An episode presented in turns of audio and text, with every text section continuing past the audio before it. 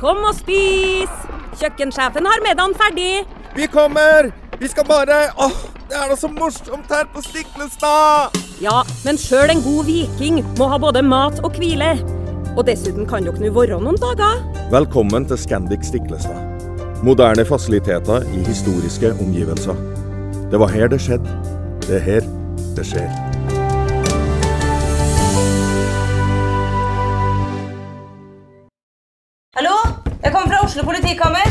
Ine Jansen er purk. Er du purk? The motherfucking bitch. Alt jeg vil, er å finne ut hva som skjedde med mannen min. Jon Carew. Er jeg sikta for noe? Iben Akeli. Det er du. Ole So, Lars Berrum og Big Daddy Karsten. Hvem sin side er du på, egentlig? Anette Hoff, Tone Danielsen, Kommer du fra Afrika? Jørnis Josef, Nesten. Kløfta. Trond Espen Seim, Det er synd å si det, men det var feil mann som døde. Purk. Premiere tirsdag på TV2 Play.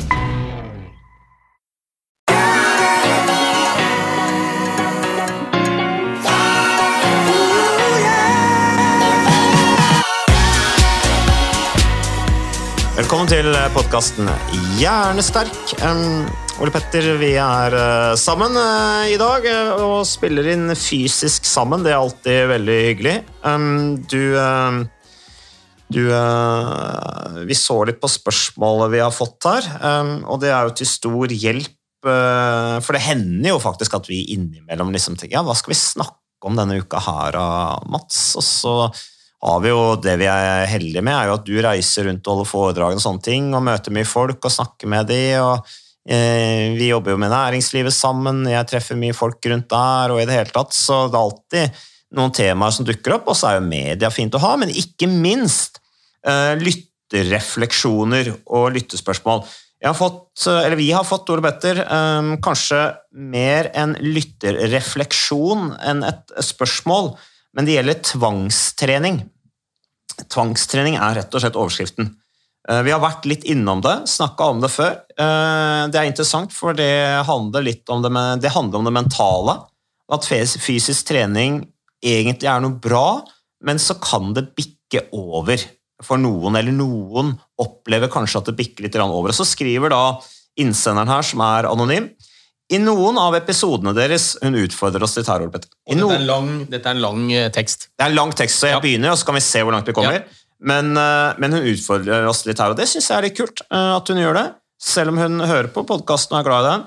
Men i noen, i noen av episodene deres har jeg innimellom tenkt at det kan være i overkant og utelukkende positiv fremstilling av både trening i seg selv, spesielt med høy intensitet, i, i parentes, og temaer som ernæring. Altså at øh, hun, øh, hun påstår litt her at vi skjønnmaler fysisk aktivitet og fysisk trening litt. Det kan vi nok være tilbøyelige til å være enig i. I en av episodene deres om faste fremhever dere, utelukkende positive effekter av dette. Og det er interessant nok, men jeg tror at for en del, av, av, øh, en del lyttere kan det bli litt feil fokus. Eh, Det, det kan vel også være enig i, Ole Petter, at det der med faste det skal man være litt forsiktig med å eksperimentere altfor mye om, men du har jo forklart det jo da litt i sånn steinalderperspektiv, ikke sant, at eh, den tidligere forhistoriske, eh, våre forhistoriske fedre og mødre, de spiste jo ikke så ofte. De måtte ut og jage, og at det egentlig er en ganske naturlig tilstand, da, som er blitt en liksom litt sånn motegreie. Og så skriver hun videre her, da ehm, dere er nok allerede flinke folk i eh, gåsetegn som eh, Nei, unnskyld. Hun skriver det er nok allerede flinke folk i som hører på dere, og som kanskje kan trigges i litt ekstrem retning. Men så har jeg hørt på flere av de eldre episodene deres og fått et mye mer nyansert syn på viktige temaer dere tar opp. Ja, men det er bra. Vi prøver jo å balansere og nyansere, tross alt. Vi er jo ikke noe sånn opptatt av å selge én retning innenfor noe som helst. Flere av disse da, lytterne kunne nok med fordel, eller flere av disse episodene kunne nok med fordel vært gjentatt. Eksempel episoden om skogens ro eller treningssenter, eller om utbrenthet, da dere tok opp spørsmålet fra en flink i Gåstein, aktiv og nokså overbelastet dame. Ja, Jeg husker ikke så mye av den episoden, men det har vi i hvert fall gjort. Ja, jeg husker den veldig godt. Ja, um, og det, det så vi, har vært innom det. Um, men jeg tror nok generelt at mange av de som hører på dere, er folk som allerede trener mye, og som kanskje blitt, kan bli trigget av å kun høre om det positive effekten av trening. Misforstå meg rett, jeg er helt overbevist om at budskapet deres er godt og riktig, har selv erfart den gode effekten aktivitet har på, fysi, nei, på psykisk helse, og er derfor, det, er, er derfor jeg alltid kommer meg ut, selv om motivasjonen og livsmotto er på bånn, skriver hun. Men kunne dere kanskje hatt en episode om hva man kan gjøre når trening har blitt negativt? Og så skriver hun jeg spyr snart ved tanken på å gå på ellipsemaskin, men føler jeg må for å forbrenne det antall kalorier, eller fordi jeg er livredd for å droppe en dag. Har dere noen tips til å gjenfinne treningsgleden når det har blitt assosiert med noe negativt? Etter f.eks. trening som man virkelig ikke trives med eller misliker som en av, konsekvens av skader. Det er mulig dere ikke kan relatere til dette, ettersom dere kommer fra et utgangspunkt hvor dere liker trening. Men for mange av oss er det faktisk utrolig tungt å motivere seg til noe man ikke syns er gøy. Ja. Eh, Spørsmålet er ikke helt ferdig, men vi kan jo kanskje oppsummere litt der. Ja, du, jeg har lyst til å si noe, og, og det mm, Jeg føler meg litt truffet her, da. Fordi eh, både du og jeg, Mats, vi er jo evangelister når det gjelder fysisk aktivitet, og vi snakker veldig mye om de positive gevinstene, eller pos ja, det positive ved å være i fysisk aktivitet, og det tror jeg egentlig også er litt sånn jeg tenker det er litt, for, iallfall den jobben jeg har, og med bakgrunnen min, litt sånn samfunnsansvar også. Eh, Det er, det er en av våre største utfordringer eh, folkehelsemessig. Det er inn, inaktivitet. Både på individnivå og, og på populasjonsnivå. Mm. Og så blir det kanskje litt mye noen ganger. Men jeg har bare lyst til å starte med å si én ting, som egentlig var det siste hun sa. Ja. Og det var jo at kanskje er det litt vanskelig for oss å relatere oss til dette, fordi vi elsker å trene. Ja. Noe, noe i den stilen. Eh, Og det har hun jo delvis rett. Nå kan jeg bare snakke for meg selv, da. Men du hadde jo en episode nå for noen uker siden hvor du faktisk snakket om at du hadde vært inaktiv lenge fordi at du hadde hatt dine utfordringer i livet. Så du har jo kjent det på kroppen, Ja, du òg. ja da, ja da ja, og, men, men selv i en kall det normal situasjon, da, hvor jeg, eh, hvor jeg er oppegående og frisk, Ja. som jeg Normaltilstanden. normaltilstanden, som jeg nesten alltid er. Mm. Så, eh, og jeg trener ganske mye, eller det kommer jo an på hvem du sammenligner deg med, men jeg prøver å gjøre noe hver dag. Ja. Eh, Så kanskje har jeg en, eh, et eller annet sted mellom 150 og 200 minutter i løpet av en uke. På Ja. gode uker kanskje litt mer, kanskje litt mindre. Men jeg har iallfall gjort en avtale med meg selv om at jeg skal prøve å få gjort noe hver dag. Og noe kan være alt fra en tre timers skitur på en nydelig helg, Det er bra til en ti minutters spasertur en kveld etter jeg har lagt barna. Og alt imellom der. Men poenget mitt er at jeg prøvde å tenke litt over det da jeg leste dette innlegget her. Da, at minst halvparten av de dagene hvor jeg da har bestemt meg for at jeg skal gjøre noe, Mm. så er jeg så lite motivert. Altså, Jeg har iallfall ti ting jeg fort kunne listet opp som jeg heller har lyst til å gjøre enn å ta på meg treningstøyet. Mm. Uh, og noe av det som frister aller mest, er å sette meg i sofaen og spise potetgull og se på Netflix. Ikke sant? Og det gjør jeg jo. Ja. Uh, av og til det føles litt bedre å gjøre det etter du har trent, men hender at jeg gjør det uten å ha trent òg. Til faktisk å skrubbe badekaret. Um, eh, ikke sant? Og da snakker vi, da er man ikke spesielt motivert. Nei. Når det framstår som mye kulere å skrubbe badekaret enn å gå til å trene. Mm. Stort sett så klarer jeg å komme meg ut allikevel, men det er ikke fordi jeg tenker åh, jeg elsker dette. Nei.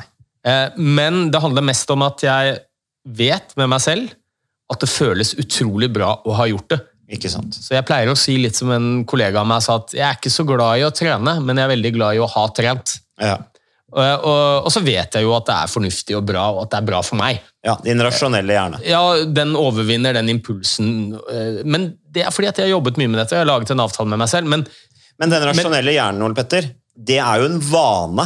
Altså Det utløser en belønning oppi hjernen din Ja, ja. fordi at du har skapt en vane over lang tid. Det er blitt et sånt spor oppi hjernen din som fører deg i den retningen fordi at du vil ha den belønningen. Og det er jo, det er jo en slags innøvd eh, vane. ja, ja, men det, det er blitt en vane, og det er jo litt av poenget mitt her. Da? At uh, det er ikke sånn at jeg, jeg, jeg tenker åh, endelig! Eufori! Jeg skal ut og trene. Nei, minst halvparten av gangene så har jeg ikke noe lyst. Nei. Men det er en vane, og jeg vet at det er bra for meg, så jeg kommer meg ut. Um, og jeg tipper det gjelder folk flest. Ja. Så hvis du er en av de som veldig ofte syns at uh, det er andre ting som er mer fristende enn å ta på seg treningstøyet og bevege seg litt, så er det ikke noe galt med deg. Du er helt normal. Ja. Altså, det er faktisk sånn vi er skrudd sammen. Uh, og det der tror jeg er utrolig viktig, altså. Så um, Ja. Så, Jeg er sånn sjøl, jeg, Ole Petter. Jeg, jeg har, jeg har, det er jo det er akkurat som du sier. Det er så mange andre ting man kan gjøre istedenfor å trene.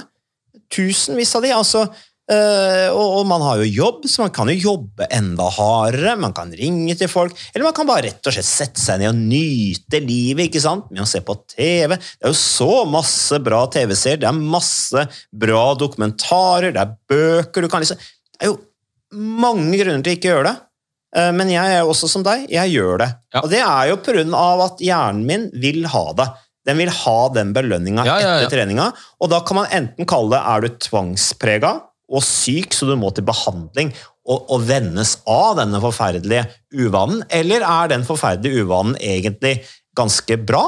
Eh, For den eh, holder deg tross alt eh, i, i live med bra hjerte, gode lunger, bra muskelledd, og du får denne endorfinen og denne belønningen, dopaminen, som gjør at du er fornøyd resten av dagen og fungerer best mulig til tross for disse tvangstankene. ja. Jeg tror det er bare litt viktig, og det var litt fint å få dette leserinnlegget, for kanskje framstår vi slik at vi, det finnes ikke noe bedre i hele verden enn å gå ut og trene.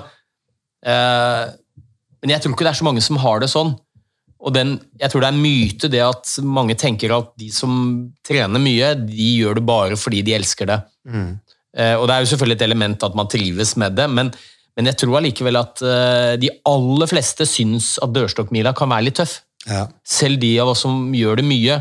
Og jeg tror det handler mye om at man har utarbeidet noen vaner og noen systemer og noen taktikker for å klare å få det til i hverdagen, selv om dørstokkmila er lang. Og og det er For meg handler det mye om vane. Ja, også mestring etter at du har gjort det. Ja, ja. Og, og jeg, jeg har ikke noe lyst til å gå til å trene, men jeg vet at det er så bra etterpå. Mm. Ikke sant? Og det er jo mye annet vi også gjør. Jeg, jeg syns ikke det er noe kult å pusse tenna. Nei. Jeg kunne ofte gått, når jeg sitter stuptrøkt i sofaen, kunne jeg godt tenkt meg bare å rulle inn i senga. Jeg, hvorfor skal jeg pusse tenna? Men jeg pusser jo tenna. Jeg hopper jo ikke over det. Jeg gjør det hver eneste dag. Nei. Det er jo ingen som dropper å pusse tenna, det er for veldig få. Ja, du ser på barna, de vil jo ikke puste tenna. Du må jo på en måte, de må jo Men det er fordi det er en vane. Det er en vane. Ja. Så det, det, var, det var ett uh, poeng. Og jeg tror også at hvis vi skal ha en ambisjon om å få flere i aktivitet, så må vi anerkjenne at majoriteten av nordmenn elsker ikke konseptet trening, og iallfall ikke dette ordet trening, som hun også snakker litt om. Ehm, jeg tror, uten at jeg har noe sånn eh, vitenskapelig belegg for det, så har vi en stor majoritet, og den virkelig store majoriteten, kanskje 60-70 av nordmenn, ehm, de, de har ikke noe For dem så er begrepet trening fremmedgjørende. De tenker at det er ikke noe for meg. Sånn, trening er noe du gjør systematisk for å prestere.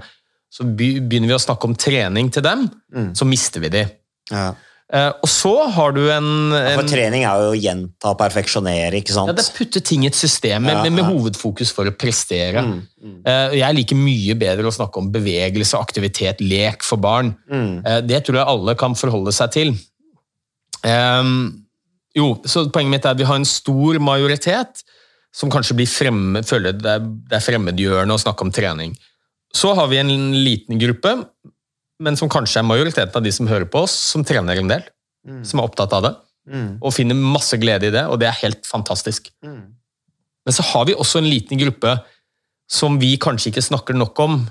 eh, Og jeg tar meg jo selv i det ofte å snakke om vidundermedisinen trening eh, som om det ikke har en eneste bivirkning. Jeg prøver å nyansere men er nok ikke alltid like god til det. Og jeg tror ikke vi skal stikke under en stol at det er også en liten gruppe mennesker som har et trøblete forhold til trening, mosjon. Mm. Eh, trening og bevegelse er fantastisk for veldig mye, men det øker også risikoen. Det har bivirkninger. Skade vet vi alle om. Ja, Kneskader, akilles osv., belastningsskader. ja. Men dette Det med kanskje forholdet til egen kropp Ja. Ehm, Vi vet at det er en overhyppighet av spiseforstyrrelser hos de som trener mye, spesielt kondisjonsidretter Mm. osv. Så, videre. så ja, for det handler jo da for, kanskje for de veldig mye bare om å forbrenne kalorier, ikke sant? Ja. Så, så, så jeg har veldig tro på det at uh, vi må være litt nyanserte, og ikke bare snakke om alle de fantastiske tingene som skjer når vi beveger oss. Og for folk flest, la oss ikke snakke om trening. La oss snakke om bevegelse, mosjon, lek. Det tror jeg er eh, Og ja, så er det også en del som har negative assosiasjoner til trening, som er den siste delen av spørsmålet her, som du ikke helt har kommet til ennå. Eh, og det kan være mange årsaker til det. Det kan være trøblete med tanke på mat, med kropp. Men for mange så også det kan være at de har negative eh, altså hendelser tidligere i livet. Jeg har snakket mye om alle disse pasientene mine som hater ordet trening, for da tenker de på gymtimen i ungdommen, hvor de ble valgt sist. Ja, ja. Eh, Hvor fokuset var på prestasjon, og det var lite mestring. Man skulle gjøre det, hoppe over disse bukkene og løpe fort. og Det var ikke alle som fikk det til. Nei, Skrekkhistorier, det der. Ja, så mm, Men hun har jo noen spørsmål her også, da. Altså hvordan Ja, altså jeg kan jo bare se, bare fortsette her. Altså, dere har i noen episoder, episoder undret dere over hvorfor ikke flere mosjonerer, er fysisk aktive eller trener. Og mange har nok bare ikke oppdaget de enorme effektene det gir på livskvaliteten, og spesielt det mentale aspektet. Det er en eh, god refleksjon, for jeg skulle akkurat til å si det når du uh, snakka her, Ole Petter, at ja, det er veldig ofte, og det har, vi, er, vi, vi er helt på samme bølgelengde når det gjelder at det er veldig ofte jeg ikke har lyst til å dra ut og trene. Eh, Men så kommer jeg meg ut, så er jeg ute, føler meg bra etterpå. Og så er det jo ganske mange treningsturer som har brent seg fast i minnet mitt som utrolig flotte opplevelser. Det må jeg innrømme. Enten alene eller sammen med noen. Man er ute i skogen en morgen ikke sant? når det er soloppgang, og eh, du føler deg ett med naturen. Det styrker sanseinntrykkene altså, Kunnskapen din om din egen kropp, eh, samspillet med naturen.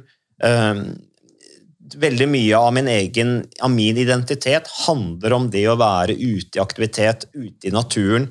Og det, Den erfaringen har jeg jo fra jeg var liten barn og begynte å trene systematisk. Ja, det handlet om prestasjon, det handlet om at jeg skulle ha starten på brystet, jeg skulle forberede meg til det, men du verden hvilken berikelse det har vært for meg rent personlig, alle disse turene ute på ski eller sykkel, og er ute i, ute i marka. ikke sant? Det er jo, og, og refleksjonen man skaper når man gjør det, eh, det er nok litt som samme opplevelse kanskje kunstnere har når de, når de jobber med sine verk. At det er en litt sånn åndelig eh, berikelse, da. Mm. den, den, den, akkurat den opplevelsen der. Ja. Og hun har jo noen veldig gode spørsmål, og ett av dem er jo hvordan kan vi snu ytre motivasjon til indre? Og kanskje legge fra oss de som sliter litt med det, tvangstanker knyttet til aktivitet. At du må trene fordi du skal forbrenne sjokoladen eh, du spiste tidligere på dagen, eller du må trene fordi du skal se sånn ut, eller må trene fordi du skal prestere. Mm. På et gitt nivå. Det er jo det er veldig gode spørsmål, og jeg vet ikke om jeg har noe fasitsvar på det, men jeg kan prøve litt å bruke meg selv som et uh... Ukas annonsør det er eh, HelloFresh. Og eh, hvis du nå går inn på hellofresh.no og bruker koden 'fresh hjerne', så kan du få opptil 1779 kroner rabatt på da de fem første matkassene dine hvis du ikke har prøvd HelloFresh enda.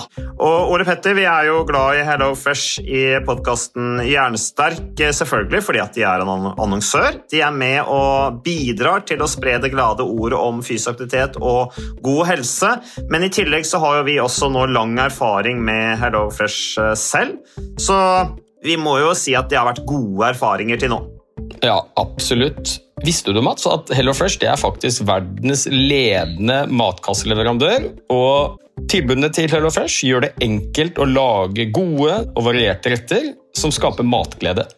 Og matglede vet du, det er like viktig som hva du putter i munnen. Det å spise mat med folk du trives med.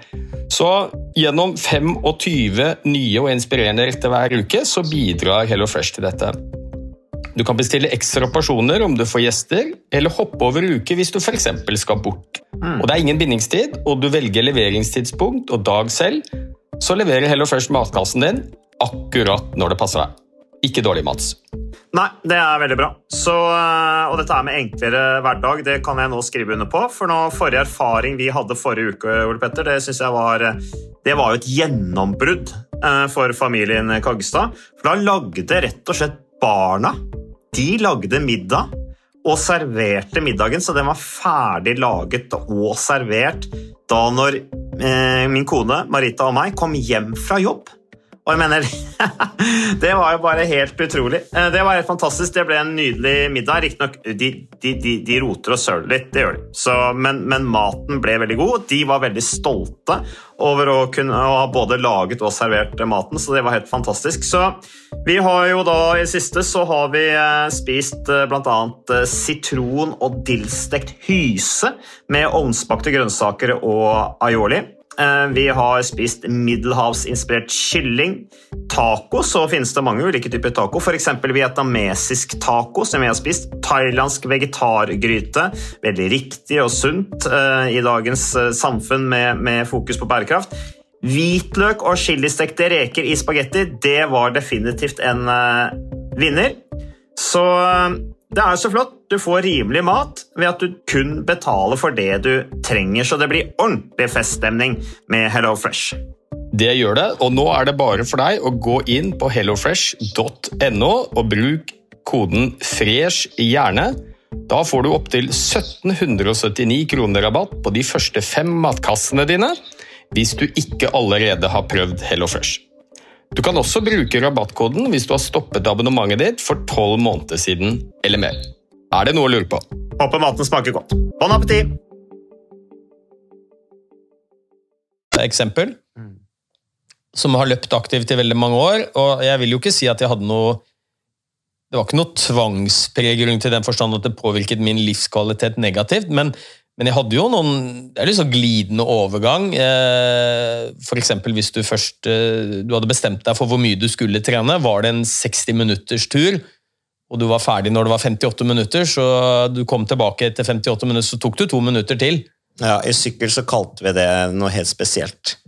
Ulverunde. Ja, ikke sant? Og, og, og sånn er det en del, og, at, og at du føler deg elendig eh, de dagene du ikke får trent. Eh, du føler at du kanskje har gått opp i vekt, kanskje har du gått ned i form, og alt mulig sånn. Eh, så jeg har jo veldig mange år hatt en ytre motivasjon for å trene. Jeg hadde lyst til å bli god, jeg hadde noen tidsmål, jeg skulle løpe så og så fort, og få medaljer osv. Og, så videre, og veldig mye var styrt av kilometer, fart, eh, antall timer, trening osv. Og, Eh, og så har jeg blitt litt eldre, eh, og jeg merker nå at alt det som kan minne meg om ytre motivasjon, altså det hvor fort man løper, hvor langt man løper, hvor ofte man løper og sånn, det virker helt mot sin hensikt. Mm. Så, så jeg, jeg prøver å, å Nå er ikke jeg motivert av å løpe fort, for jeg løper ikke så fort lenger. Nei. Og ikke så mye, for jeg kan ikke løpe så mye, da blir jeg skada. Mm.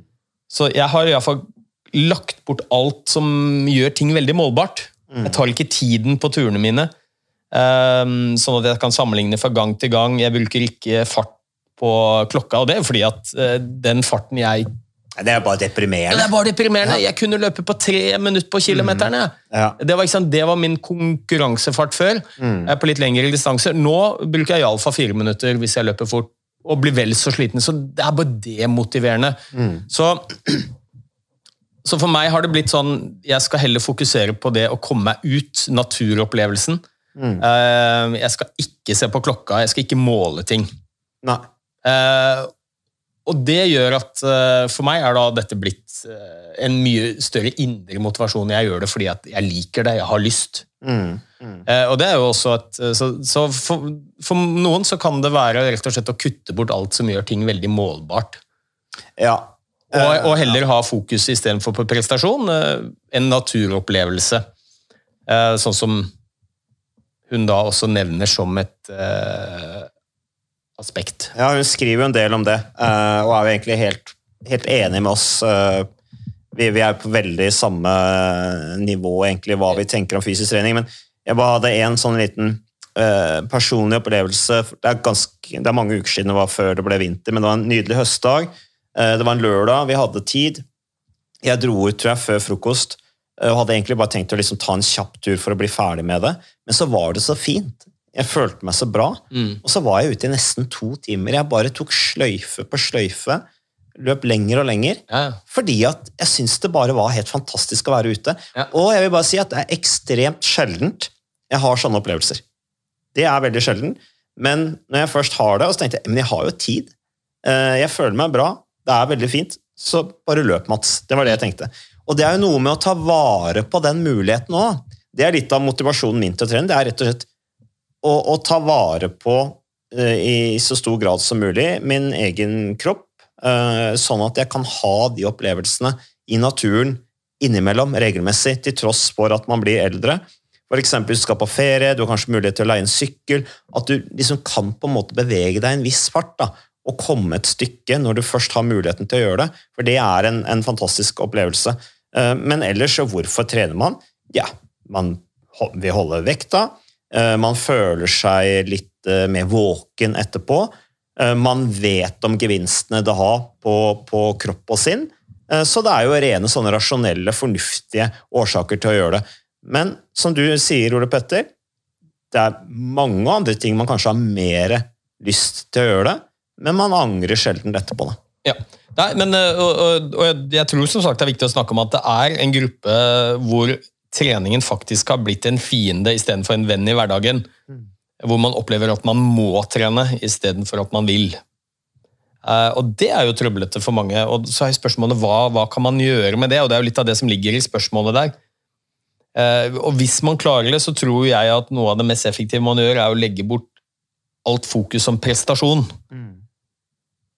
Og det kan være prestasjon med fart, eller hvor langt, eller eh, hvor ofte.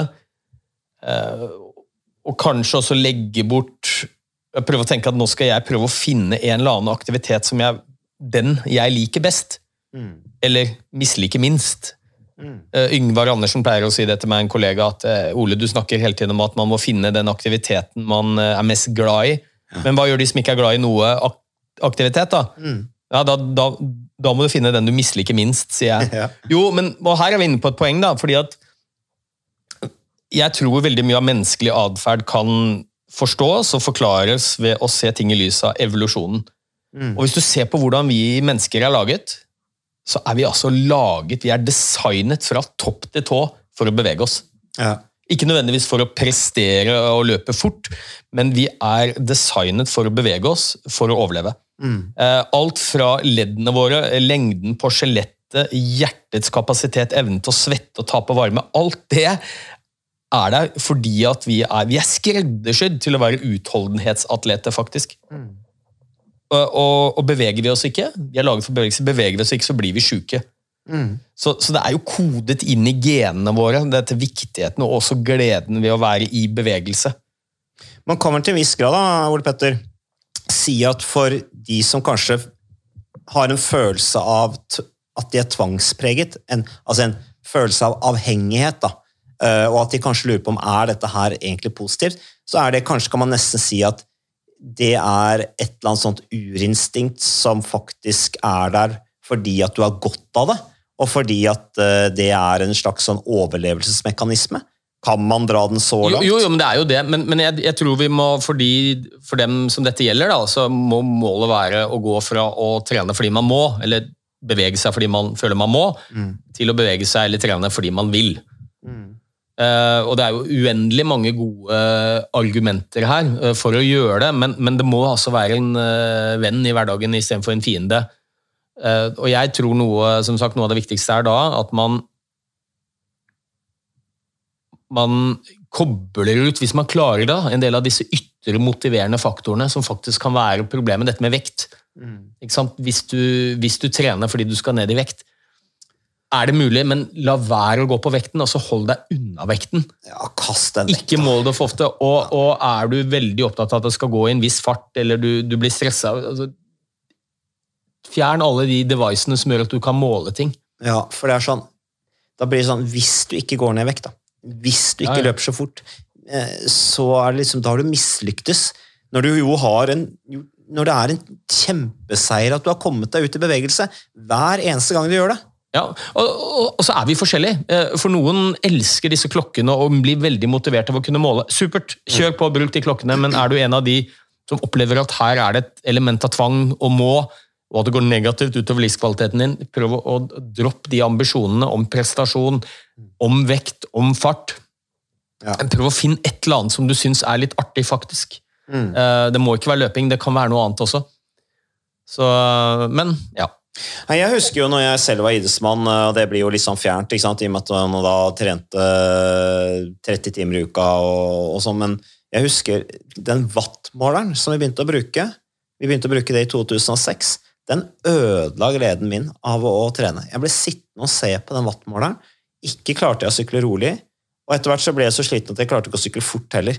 Eh, Så, så, eh, og jeg husker min far også sa når pulsklokkene kom, eh, så sa han ja, jeg blir gal av alle disse utøverne som er så tvangsprega at de må ha på seg pulsklokka bare de skal gå en tur rundt huset. husker jeg han sa. Hvor er det blitt av fornuften? Hvor er det blitt av sin, kunnskapen om sin egen kropp i forhold til å kunne kjenne litt på hva som er eh, godt nok for deg akkurat der og da, eller hva som er riktig for deg der og da?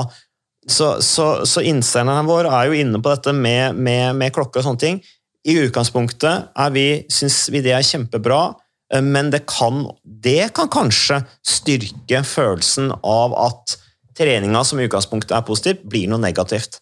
Kanskje er det en årsak.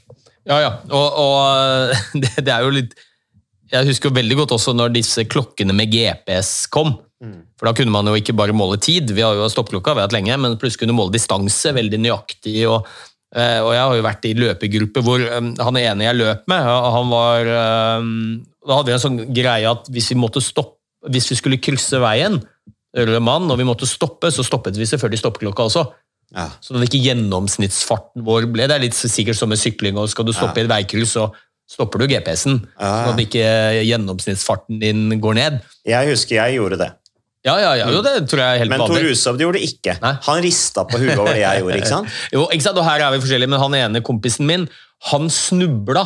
Han skulle over en fortauskant, og så så han ikke, så han snubla, og uten å tenke seg om, istedenfor å ta seg for i et fall, så så vi at han tok tak i klokka og klarte å stoppe klokka før han hadde truffet bakken. Ah, Altså rent sånn imp impulsivt.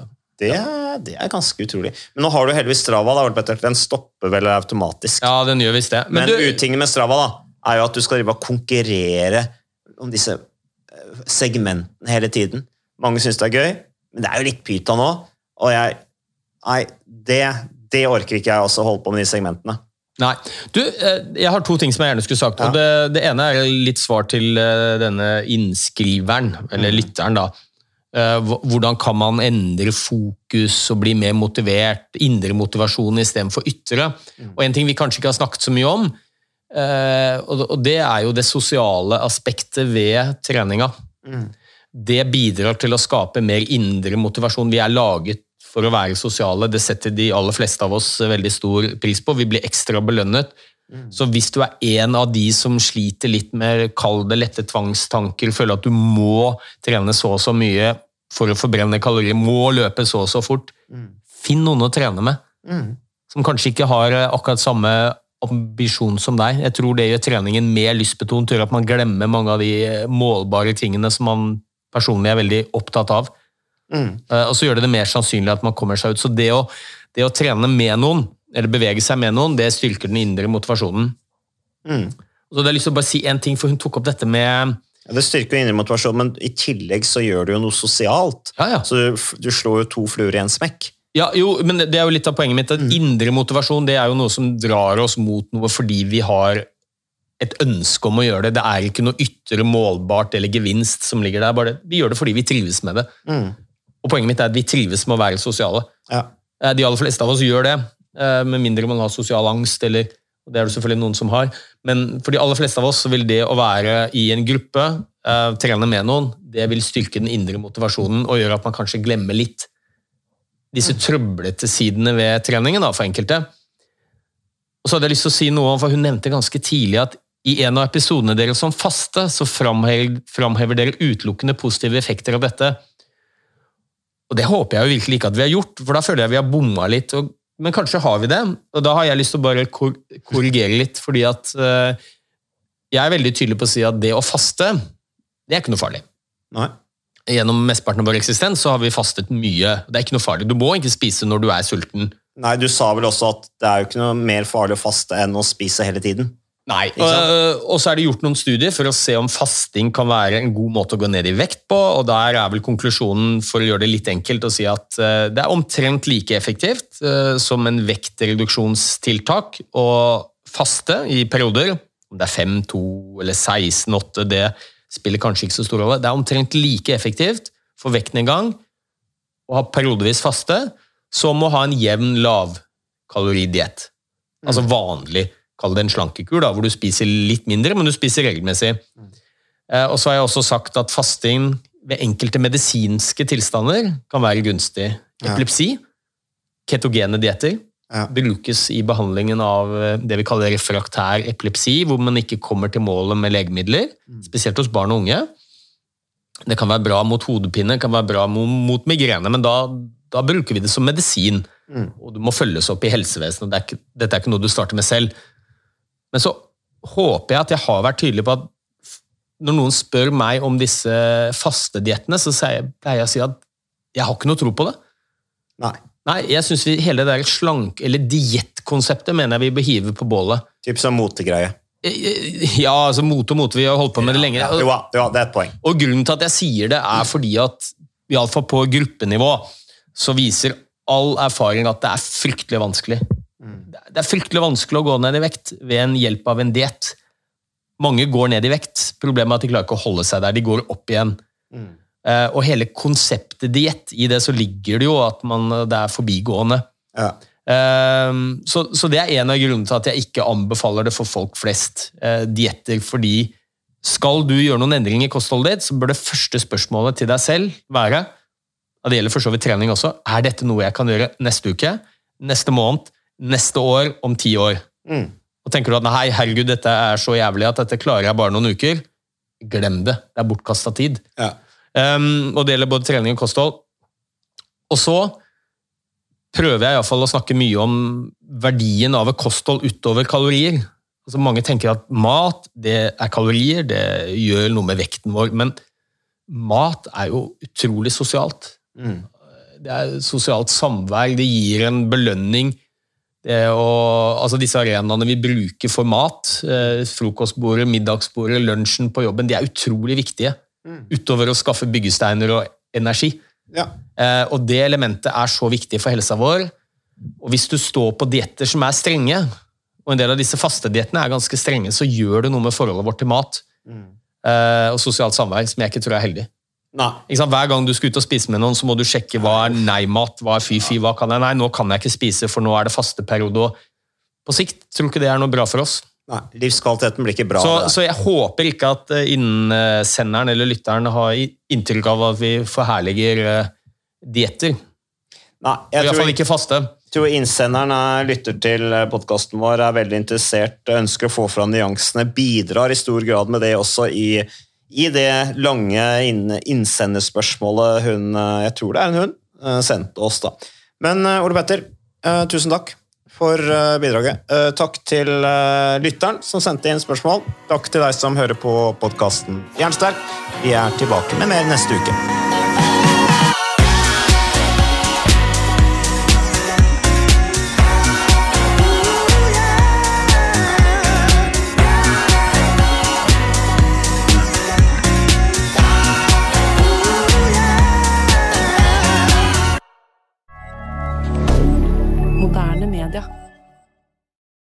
Har du et enkeltpersonforetak eller en liten bedrift? Da er du sikkert lei av å høre meg snakke om hvor enkelt det er med kvitteringer og bilag i fiken, så vi eh, gir oss her, vi. Fordi vi liker enkelt. Fiken superenkelt regnskap.